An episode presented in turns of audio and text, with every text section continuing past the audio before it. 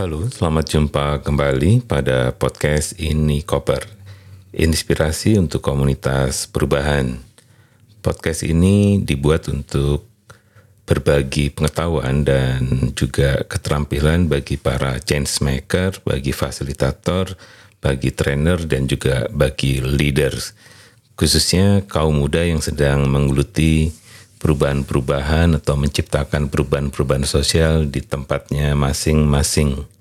Saya Dani Wahyu Munggoro dari Inspirasi Tanpa Batas atau Inspirit. Kali ini saya ingin berbagi tentang bagaimana cara kita mengembangkan sebuah proposal kegiatan. Yang pertama, kita bisa mulai dengan memahami tujuan dari mengapa kita membuat proposal ini. Karena itu di sini kejelasan maksud dan tujuan proposal itu menjadi sangat penting. Maksudnya adalah bahwa apakah Anda sedang mencari donor atau funding, apakah Anda ingin memperoleh persetujuan dari kegiatan yang diusulkan kepada atasan atau organisasi lain, apakah Anda sedang menawarkan sebuah problem solving untuk masalah yang Anda ingin selesaikan?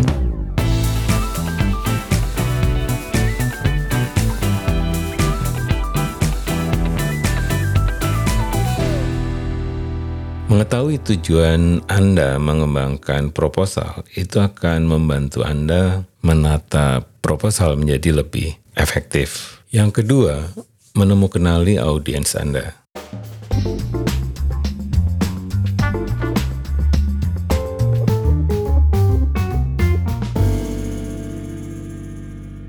kepada siapa Anda menulis proposal ini atau siapa yang sebenarnya akan membaca proposal ini. Kalau kita tahu untuk siapa proposal ini dibuat, maka sebenarnya adalah harus ada pertanyaan yang lebih dalam untuk mencari latar belakang, minat dan kepedulian orang yang akan membaca proposal kita. Jadi di sini saya ingin sampaikan bahwa tidak ada proposal yang buruk, tetapi apakah proposal kita sesuai dengan orang yang akan membaca proposal kita.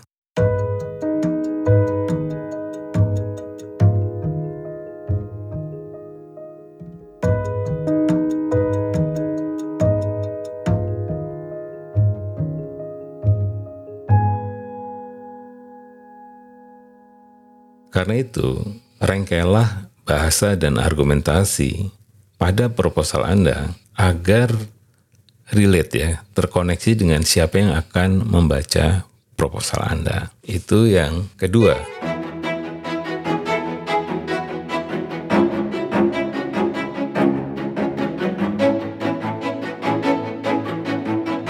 Yang ketiga, di dalam pengembangan sebuah proposal, mau tidak mau kita harus melakukan riset dan juga menggali informasi yang akan memperkuat argumentasi-argumentasi kita pada saat kita merumuskan isi proposal. Caranya adalah dengan mengumpulkan data-data yang relevan, bisa dalam bentuk statistik, studi kasus, dan juga berbagai materi pendukung untuk memperkuat dari yang saya sebutkan argumentasi dan sekaligus juga menunjukkan siapa kita. Semakin datanya akurat, itu semakin kredibel siapa yang sedang menulis proposal. Yang keempat,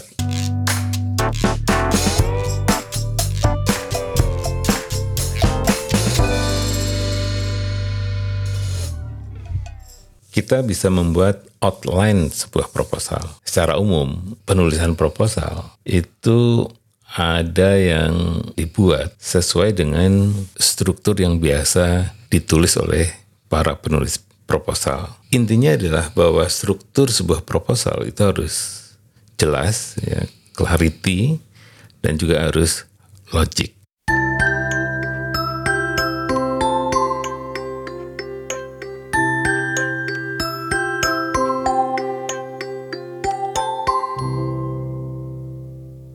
Struktur sebuah proposal biasanya dimulai dengan introduksi, yaitu kita harus menarik secepat mungkin perhatian pembaca untuk menjelaskan apa yang ingin diusulkan oleh penulis proposal atau oleh kita dan juga memperkenalkan siapa kita di dalam konteks proposal ini. Yang kedua adalah ada pernyataan masalah yang kuat. Apa yang menjadi isu atau masalah yang ingin diselesaikan lewat proposal ini. Nah, kemudian yang ketiga adalah kita juga melihat objektif yang harus sangat jelas ya. Bagaimana objektif biasanya ya kalau teori lama itu harus smart ya. Jadi harus spesifik, bisa diukur, achievable, relevan dan juga ada lini masanya. Di bagian di bagian outline ini yang keempat adalah metode atau metodologi.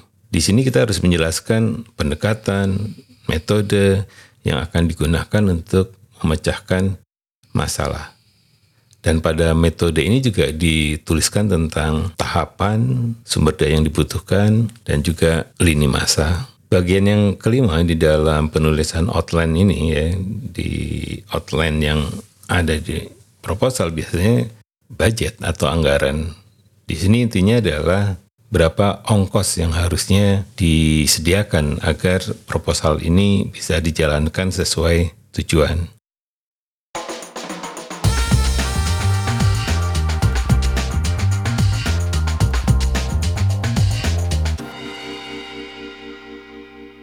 Di bagian keenam itu ada bahasan tentang evaluasi. Maksudnya adalah bagaimana caranya kita mengukur apa yang kita usulkan itu sukses atau gagal. Dan bagaimana sebenarnya kaitannya dengan manfaat yang dijanjikan pada proposal yang diusulkan. Nah itu yang di outline.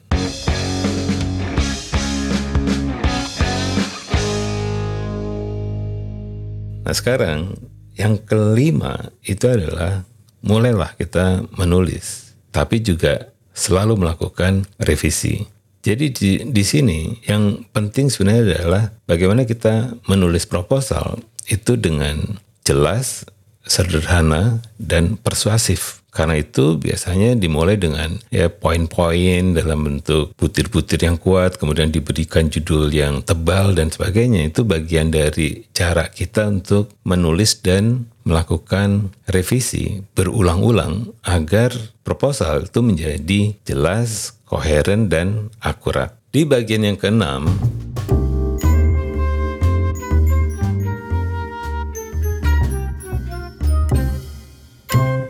itu kita bisa tambahkan visualisasi atau materi-materi pendukung dalam bentuk grafik atau chart atau gambar. Tujuannya adalah untuk mendukung argumentasi-argumentasi agar proposal juga selain argumentasinya semakin kuat, tapi juga menarik untuk dibaca.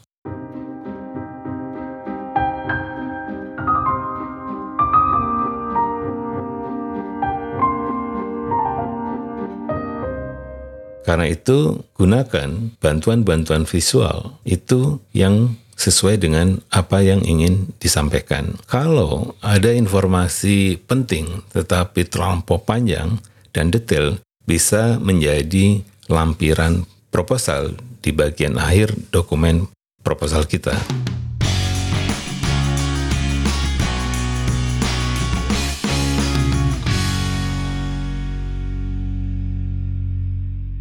Bagian yang ketujuh adalah kita harus mulai melakukan proof reading ya. Jadi proposal itu dibaca, kemudian lakukan editing. Nah, editing ini sebenarnya untuk menghilangkan ya kesalahan-kesalahan yang sifatnya tata bahasa, bisa ejaan, atau juga kesalahan-kesalahan format yang biasanya juga terjadi pada saat kita membuat proposal dengan komputer. Nah, yang kedelapan,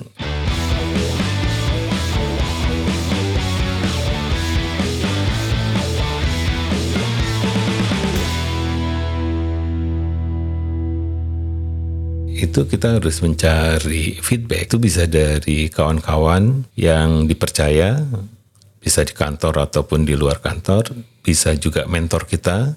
Ya biasanya setiap orang punya mentor bisa atasan atau senior. Dan yang ketiga bisa juga meminta apa feedback ini itu bisa dari pakar yang kita kenal.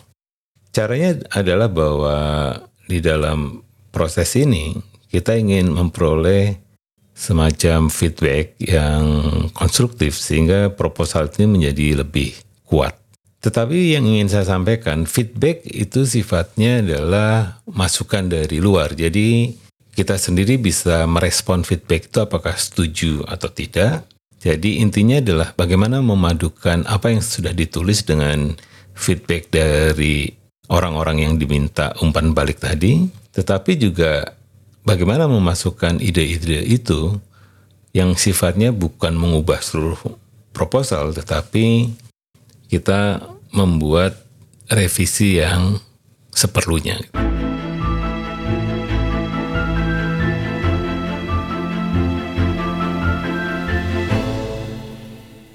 Nah, di bagian akhir itu sifatnya kita bagaimana menyerahkan atau mengirim proposal kita kepada audiens atau lembaga yang memang sudah kita apa rancang dari awal atau sudah ditentukan dari awal ini proposal untuk siapa.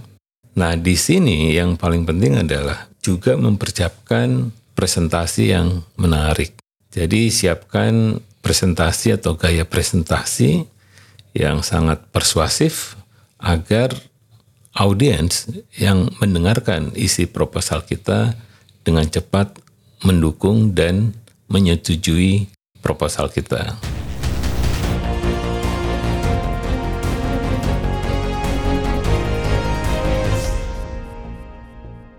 Jadi demikian tadi materi ini koper kali ini kita bicara tentang bagaimana mengembangkan sebuah proposal. Bisa proposal kegiatan atau juga proposal riset atau juga proposal bisnis. Nah, di sinilah yang kita bisa mengembangkan salah satu keterampilan yang penting untuk memastikan ide-ide kita memperoleh dukungan yang cukup.